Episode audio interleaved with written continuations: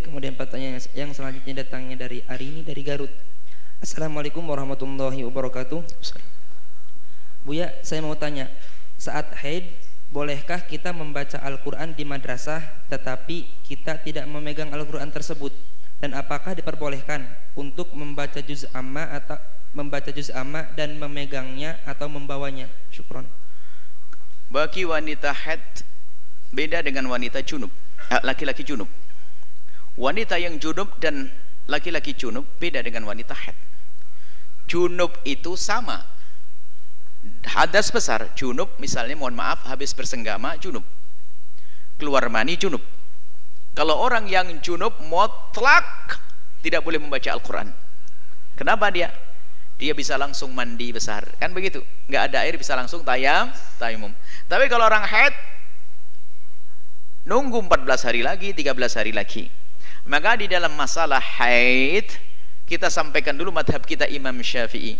Di dalam madhab kita Imam Syafi'i, wanita yang haid termasuk di dalamnya adalah madhabnya Imam yang lainnya Imam Hambali dan juga Imam Hanafi.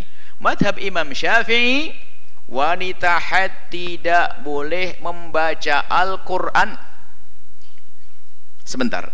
Saya bedakan antara menyentuh dengan membaca kalau junub tadi yang pertama junub jelas tidak boleh baca Al-Quran tidak boleh menyentuh Al-Quran juga kemudian wanita haid sepakat tidak boleh menyentuh Al-Quran termasuk selembar ayat al-suci Al-Quran selembar tidak boleh kalau haid tidak boleh menyentuh. Ini beda menyentuh dengan membaca. Yang ditanyakan membaca. Kalau anda memegang mushaf Al-Quran dalam keadaan haid, haram hukumnya. Sekarang masalahnya membaca. Ini saya rentet dulu. Adapun masalah membaca, di dalam madhab kita Imam Syafi'i dan jumhur ulama, madhab Hambali dan Hanafi, jumhur ulama mengatakan bahwa membaca Al-Quran bagi wanita haid tidak diperkenankan. Hukumnya haram. Dalam madhab syafi'i kalau mau membaca Al-Quran boleh dengan menggerakkan mulut tanpa mengeluarkan suara. Tapi capek. Ya kan? Itu madhab syafi'i. Kecuali membaca Al-Quran untuk doa-doa doa-doa untuk taksin menjaga seperti yang diajarkan kemarin Fatullah untuk menjaga dari jin, dari setan.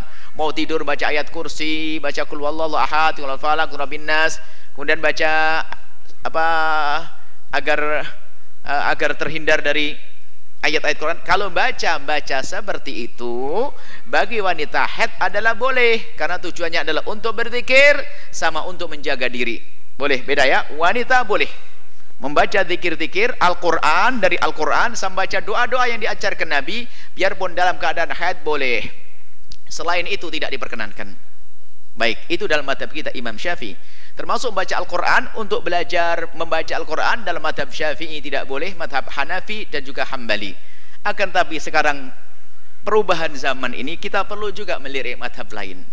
Ini yang sudah kami hadirkan termasuk pesantren ini. Khusus ibu-ibu yang dalam keadaan haid. Dengar ini madhab besar, madhab Hana, Ham, Maliki. Di dalam madhab Imam Malik rahimahullah ta'ala, seorang wanita boleh membaca Al-Quran biarpun keluar suara. Tapi dengan catatan jangan memegangnya boleh membaca Al-Quran untuk belajar. Ibu-ibu yang sudah belajar Al-Quran gilirannya adalah habis pensiun. Masih head lagi. Nah, kalau sudah tidak head tidak ada masalah. Baca Al-Quran tidak usah ragu ini madhab besar madhab malikiyah membaca Al-Quran bagi wanita untuk belajar anda belajar datang pada guru ditalkin Bismillahirrahmanirrahim Kul wallahu ahad atau surat Al-Baqarah. Sama mengajar. Belajar dan menga mengajar. Sama untuk menjaga hafalan. Maka untuk hal-hal seperti ini untuk belajar, mengajar, menjaga hafalan yang sifatnya untuk belajar maka diperkenankan mengeluarkan suara. Bahkan termasuk menambah hafalan dengan catatan yang paling berat adalah tidak boleh langsung hatam sekali di antaranya sampai mengatakan begitu. Jadi madhab Malik tidak menyamakan antara orang had dengan orang junub. Madhab Syafi'i menyamakan orang junub dengan had sama-sama tidak boleh membaca Al-Quran. Tapi madhab Malik membedakan. Dan hujahnya madhab Malik dalam hal ini juga kuat. Orang junub beda dengan orang had. Kenapa? Junub bisa langsung mandi, had gak bisa mandi.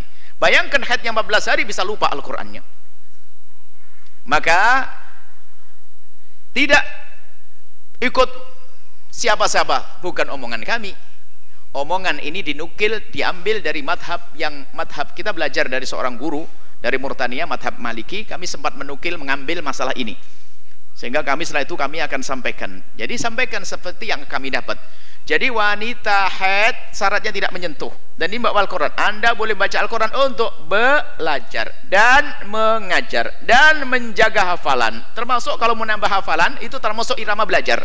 Karena seorang ingin menghafal Al-Quran. Jadi boleh. Nah, khususnya ini guru agama yang ngajar SMA kunci saja anak-anak wanita, anak gadis itu. Jangan sampai beralasan Biasanya kalau anak SMA itu disuruh sama ustadznya, ayo neng baca Quran. Ustadz, mohon maaf lagi udur. Nah, padahal enggak dia bohong karena nggak bisa baca Al-Quran. Tiga tahun nggak bisa lagi. Itu enggak ada, biarpun udur boleh. Nah, ini, nah ini jadi ini adalah madhab Imam Malik. Bukan si A, si B, si C, bukan pendapat saya. Ini madhabnya dinukil dari madhab Imam Malik rahimahullah taala madhab Malikiyah. Baik, sengaja kami sampaikan semacam ini, tapi tetap Anda tidak boleh main-main. Selagi masih bisa berpegang madhab Imam Syafi'i, Memang itu sedikit. Dalam madhab Malik lebih luas dari itu dari yang kami sampaikan. Itu hanya kasih batasan. Kami kami batasi belajar, mengajar, menjaga hafalan, ingin nambah hafalannya. Tapi tetap tidak boleh menyentuh. Itu dalam madhab Malik dan boleh anda ikuti taklid antara salah satu empat madhab boleh. Apalagi sudah diajarkan. Anda boleh seperti itu. Kami hanya menyampaikan madhab karena saat ini lemah pendidikan Al-Quran lemah pendidikan agama khususnya di sekolah-sekolah umum banyak anak gadis kalau suruh baca Al-Quran alasannya lagi lagi head. Kalau menyentuh jangan harga mati. Menyentuh Al-Quran tidak boleh. Hanya mendapat Imam Daud Dohiri saja Ibnu Hazm mengatakan. Itu adalah tidak dianggap dalam empat madhab ini. Ulama yang mengatakan membaca Al-Quran waktu head haram hebat benar dia. Jangan disalahkan karena mereka berpegang dengan madhab syafi'i supaya saya tidak benturan. Jangan sampai ada orang ngadu domba antara kami dengan para ulama-ulama hufat yang sudah tersebar di Indonesia. Mereka mengatakan haram nggak boleh. Benar. Karena mereka ikut jumhur ulama.